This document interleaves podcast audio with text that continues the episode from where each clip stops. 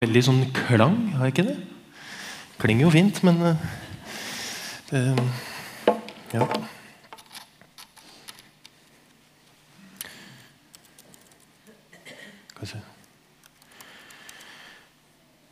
Så er det jo litt rart å gå litt sånn rett på Egentlig et intervju som egentlig er en hel tale. Hvis vi, eh, hvis vi tillater det for oss selv kunne vi sagt masse om. og Jeg kjenner jeg har så mye jeg kunne sagt om det. Men det skal jeg ikke gjøre.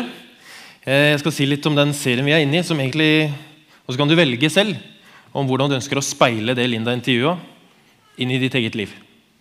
Eh, Og budskapet som, som står her. Hvordan du vil speile det inn i det jeg skal si. Jeg skal snakke om eh, uavhengighet versus indre avhengighet. En litt sånn kryptisk tittel.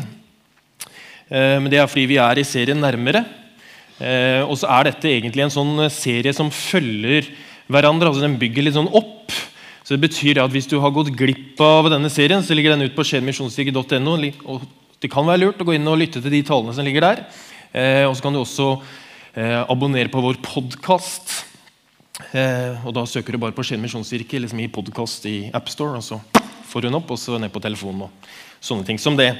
Men det handler om å komme nærmere Jesus, komme nærmere Gud, og nærmere hverandre og nærmere andre mennesker. Det er den, det den serien handler om. Og så fant jeg et uh, utrolig bra sitat uh, fra Nelson Mandela. Som jeg Ja, jeg bare leser det. Sometimes it falls upon a generation to be great. Or you can be that great generation. Let your greatness blossom. Altså Av og til så faller det på en generasjon eh, å utvise storhet. Og du kan være den generasjonen og la din storhet blomstre. Det jeg skal snakke om i dag, det er dette ordet her. Og Hvis du leder en bedrift, eller hvis du liksom er sjef for noen, eh, eller hvis du er en del av en familie, så vet du det at det å på en måte være ett, det er ikke alltid like lett. Det kan by på noen utfordringer, litt gnisninger, litt meningsmotstand, eh, kanskje. Litt sånn Det er ikke alltid like lett å være ett. Eh, det er ikke det. For av og til så kan liksom veien se litt sånn ut. Noen sier vi skal gå dit, og så vil noen dit. Så, men Det er jo det som er den rette veien, men det er jo det som er den rette veien for meg. Og, men jeg vil jo helst gjøre sånn, og, og, du vil gjøre sånn. og Dette nå går i hvert fall feil vei. Eh, sånn kan det føles. Eh, men når jeg skal snakke om uavhengighet versus indre avhengighet, eh, så skal jeg snakke om menighet og Guds rike. Og så skal jeg også snakke om deg og ditt liv for det henger sammen. Eh, og Så skal vi starte med å lese et eh, bibelvers som står i Johannes 17. og Det er liksom midt inni en sånn eh, situasjon hvor Jesus akkurat har vaska disiplenes føtter. Eh, og så ber Han sier veldig mye til disiplene, og så ber han høyt. Eh, og Rett etter det så går de ut av huset, eh, og så blir Jesus tatt til fange. Men Jesus er altså sammen med disiplene. og Det som er litt artig, da, det er jo det at når han er sammen med disiplene i det rommet, så ber han ikke bare for disiplene, men han ber for deg. Du som sitter her. Han ber for deg i det rommet. Og det skal vi se på. Jeg ber ikke bare for dem. Altså Dem er jo da de som er i rommet. Men jeg ber for dem som gjennom deres ord kommer til tro på meg. Og det er jo deg. Må de alle være ett, slik du, far, er i meg og jeg i deg. Slik skal også de være i oss for at verden skal tro at du har sendt meg. Den herligheten du har gitt meg, har jeg gitt dem, for at de skal være ett, slik vi er ett. Jeg i dem og du i meg, så de helt og fullt kan være ett. Da skal verden skjønne at du har sendt meg, og at du elsker meg slik du har elsket meg. Jesus ber altså de troende om å være et annet sted i Bibelen så står det å være ett i hjerte og sinn. Misjonsforbundet har jo visjonen Guds barns enhet. og Det går jo liksom veldig tilfeldig at det går rett inn her. De har funnet et klokt sted. Men det handler om enhet med Faderen i troen på Jesus, Hans Sønn og Den hellige ånd. Og enhet med alle troende. Så handler det om at vi er på oppdrag sammen.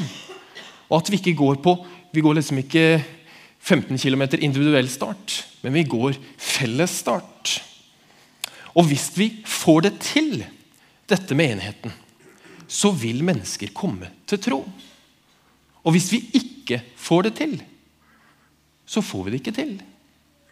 Og så har jeg tenkt på eh, litt, hvorfor, er ikke, hvorfor er ikke våre liksom, kirker stappfulle på eh, en søndag formiddag. Vet ikke folk hvor kirken er, eller vet ikke hva folk, hva, liksom, hvor det er hen. og hva det er. Så tror jeg En av grunnene til at folk ikke er i kirken på søndag formiddag, er fordi de har vært igjen.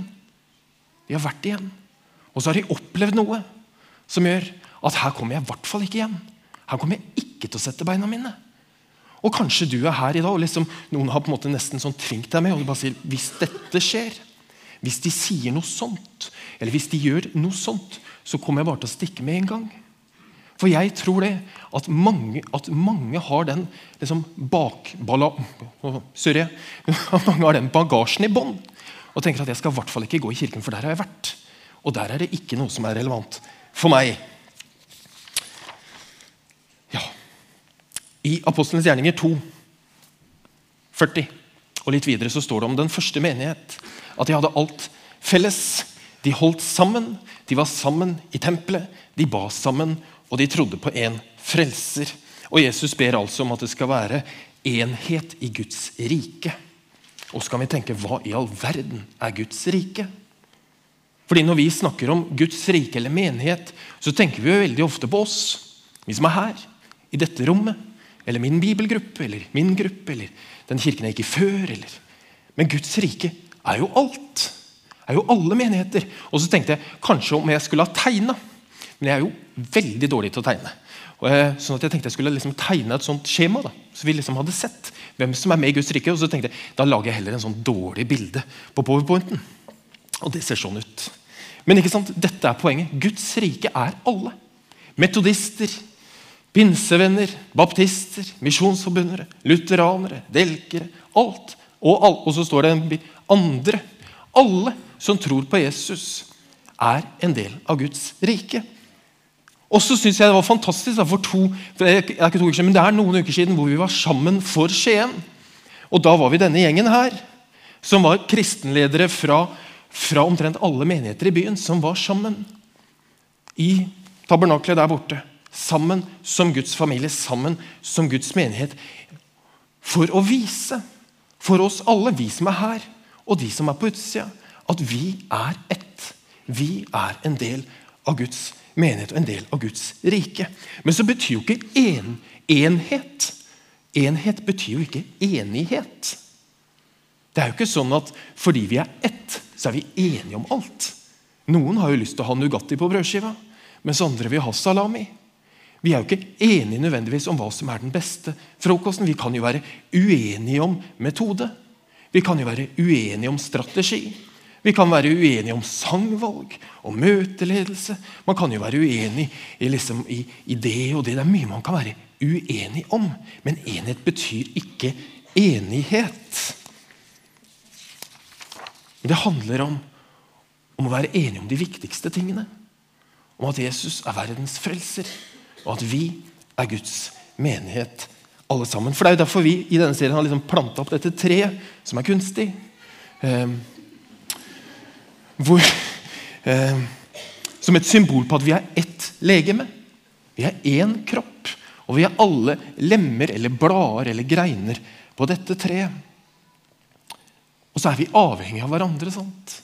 Og Derfor jeg leste til de som ble medlemmer, at vi er i Kristi kropp. Og vi er alle et legeme på den kroppen. Akkurat som at armen er liksom avhengig av foten eller i hvert fall av hjernen. for å liksom gå på det. Vi er enige. Vi er avhengige av hverandre. Og hvis noe mangler, så er det noe borte. Og da er det ikke fullendt. Da er det ikke perfekt. Da er det ikke sånn det er ment å være. Men alle har en plass. Og så er det jo kraft i enheten. Det står at, eller Jesus sier at for at verden skal tro at du har sendt meg, da skal verden skjønne at du har sendt meg, sier han også. Det betyr jo egentlig at Guds rikes enhet er evangeliserende i seg selv. Se som de elsker hverandre, se som de bryr seg om hverandre. Se som et fellesskap de har. Se, de står sammen. Se. Det er evangeliserende i seg selv.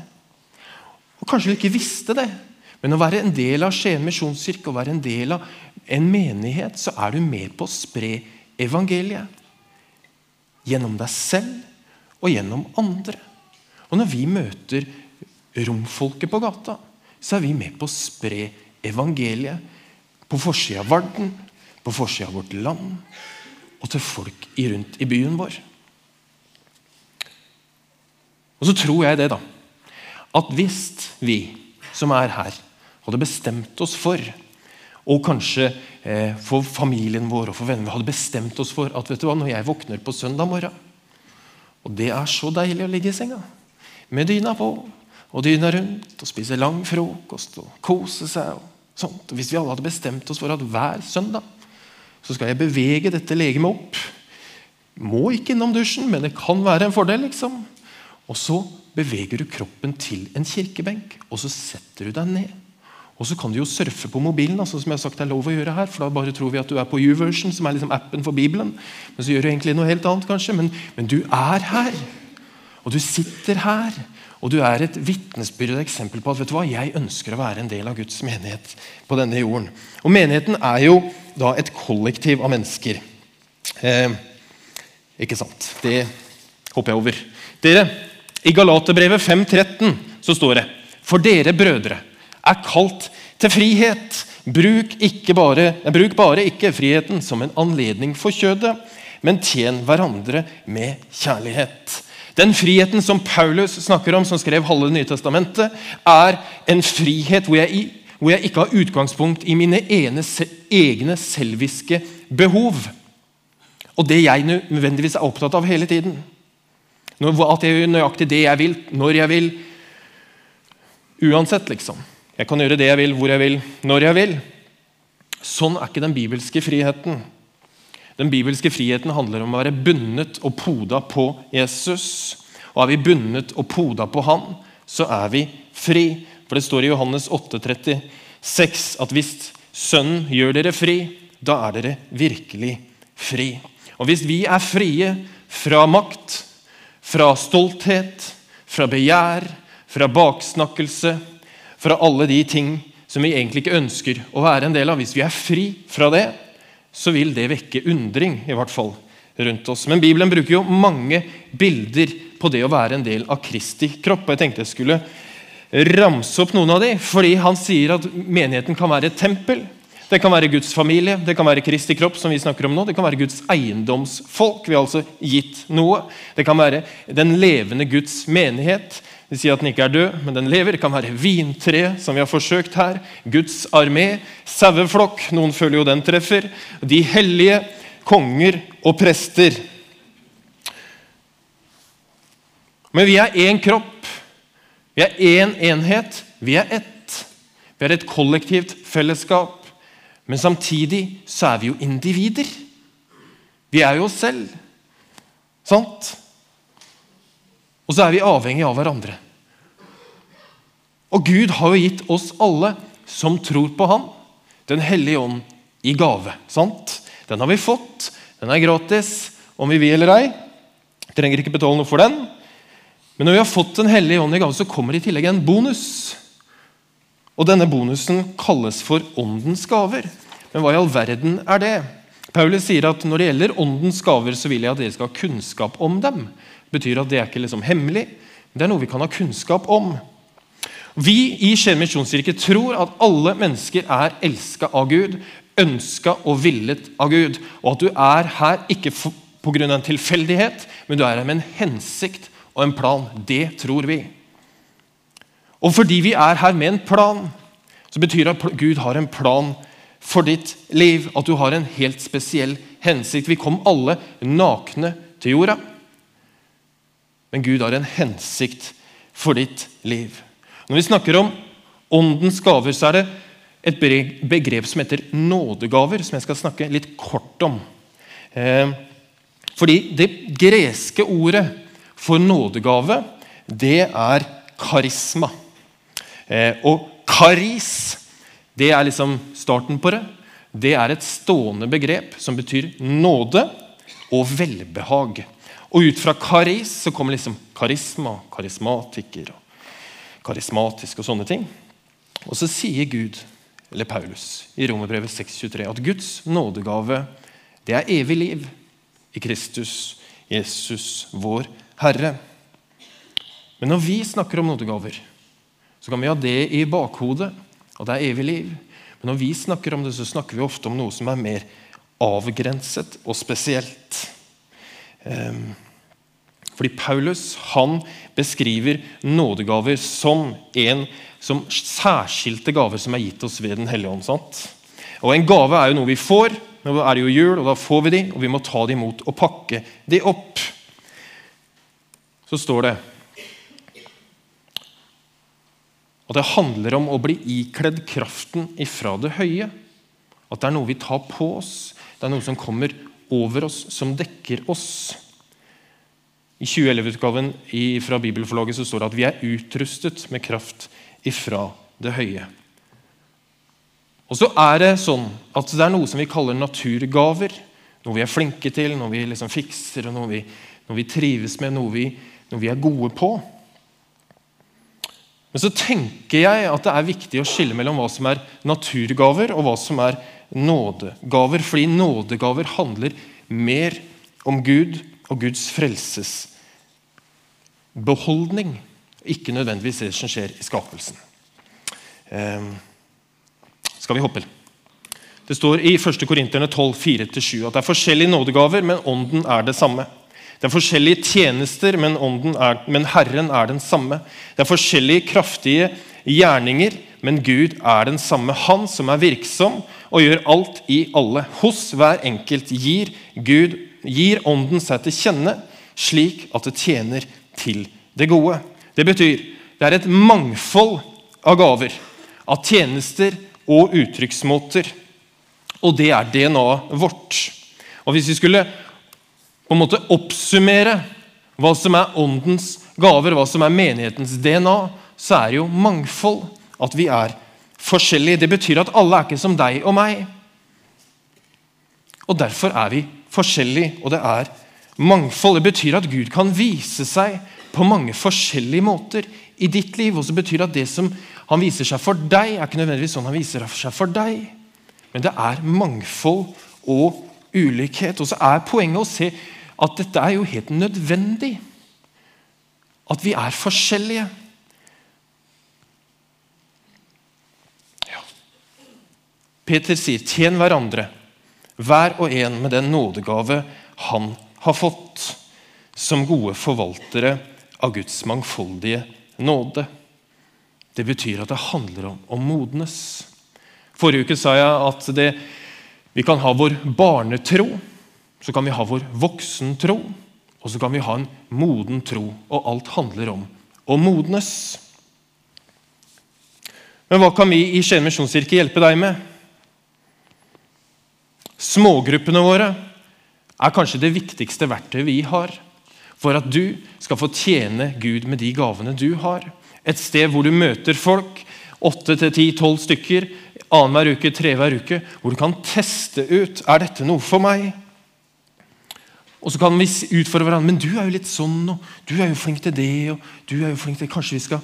Og så kan vi prøve å feile litt og teste ut hva, hva vil Gud med livet vårt. Så kan vi be for hverandre og støtte hverandre. Og så kan man komme inn i en tjeneste i menigheten. Og det er jo Noen som tror at, at vi må fylle tjenester i menigheten for å fylle et behov som vi har. At Det å ha en tjeneste i en menighet eller i Skien misjonskirke handler først og fremst om å fylle et behov vi har. Og det er jo bare del, delvis feil. Litt riktig, da. Men det er jo ikke helt riktig, egentlig. For dypest sett så handler det om å tjene Gud der du er. med de gavene du har. At du blir den beste versjonen av den Gud har kalt deg til. At du kan utvikle de gavene du har fått. At du kan prøve og forsøke å prøve deg noe og tenke vet du dette funka ikke i det hele tatt, jeg må teste noe annet. Og så kan vi prøve og feile. Og vi har jo uendelig behov i forhold til tjenester.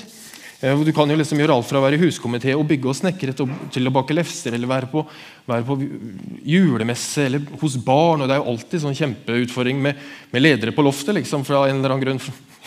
Det, men, men, Vi har jo mange, mange, behov i menigheten, men det er ikke i utgangspunktet poenget. Poenget er at du prøver og finner ut hvor kan jeg være. Hvor er det bruk for meg? Hvor ønsker Gud at jeg skal tjene? Og I tillegg, da Dette er kanskje det viktigste. Så ønsker vi at du skal ha en aktiv rolle i det lokalsamfunnet du er. For Hvis vi tenker at menigheten er bare det som skjer her, inne i bygget, fra mandag til søndag, så har vi bomma. For menigheten handler om å være menighet der vi er. Å være gode naboer, å være gode kollegaer, å være gode venner, å være god familie å, å stå på fotballinja og være en del og aktiv del i det lokalsamfunnet vi tilhører fordi vi ønsker ikke å være en sånn intern klubb. Vi kunne jo vært det, kunne jo valgt å være det. En intern klubb hvor vi koser oss og har det liksom hyggelig. og Her er det kjempekjekt, og her er lefser, og, og her er kake, og nå skal vi på kirkekaffe og drikke og skal vi kose oss. Vi kunne jo valgt det. Og det er jo et valg vi tar. At vi ønsker ikke å være det. Så når du tenker på din tjeneste, ikke tenk bare her. Men tenk der du er, og der du bor, og der du er. Så er det jo noen som eh, Eller ikke noen som, men samtale og veiledning. Det går an hvis du har spørsmål eller tenker på at dette trenger jeg å snakke med noen om. I forhold til nådegaver eller menighet. eller sånn, Så kom og snakk med oss. Kom til oss og si vet du hva, jeg trenger å snakke litt med det. Så booker vi en tid, og så finner vi en tid hvor vi kan snakke sammen oss og sånn én til én. Med Linda eller Torbjørn som ungdomspastor eller meg eller noen andre som du har tillit til. Og så er det også mulig faktisk å gå her på kurs eller på nådegavekurs eller på andre samlinger hvor man er i et litt, sånn, litt mindre fellesskap, hvor det er mulig å stille spørsmål, hvor det er mulig å, å snakke sammen og, og spørre hverandre. Så følg med på det som skjer her i forhold til det. Men du syns kanskje ikke at jeg har sagt så mye om uavhengighet versus indre avhengighet. Har du bomma nå? Vi får se. Jeg venter på evalueringen på tirsdag. Får se. Vet du hva? Det eneste nødvendige det er å bli i meg, sier Jesus. Det handler om deg og Jesus privat. Hva du gjør. Det handler om å være poda på hans tre. Det handler om å sette seg ned. Jeg utfordra dere forrige uke til å sette av tid i kalenderen din for fast tid med Gud kanskje hver morgen i et kvarter, hvor du leser Bibelen, hvor du har en notatblokke, hvor du har en penn. Og Så leser du litt, og så ber du litt, og så har du en stille tid med Gud hver dag. Og så tror jeg det at Hvis vi gjør det, alle sammen, så tror jeg faktisk at himmelens sluser vil åpne seg over oss selv og våre liv og vår familie og over vår by. Men Når det handler om å bli Han, så handler det om en ting til. Og det handler om at Gud adopterer deg inn i hans familie. Så kan du ikke velge hvem du blir i familie med. Det bare skjer.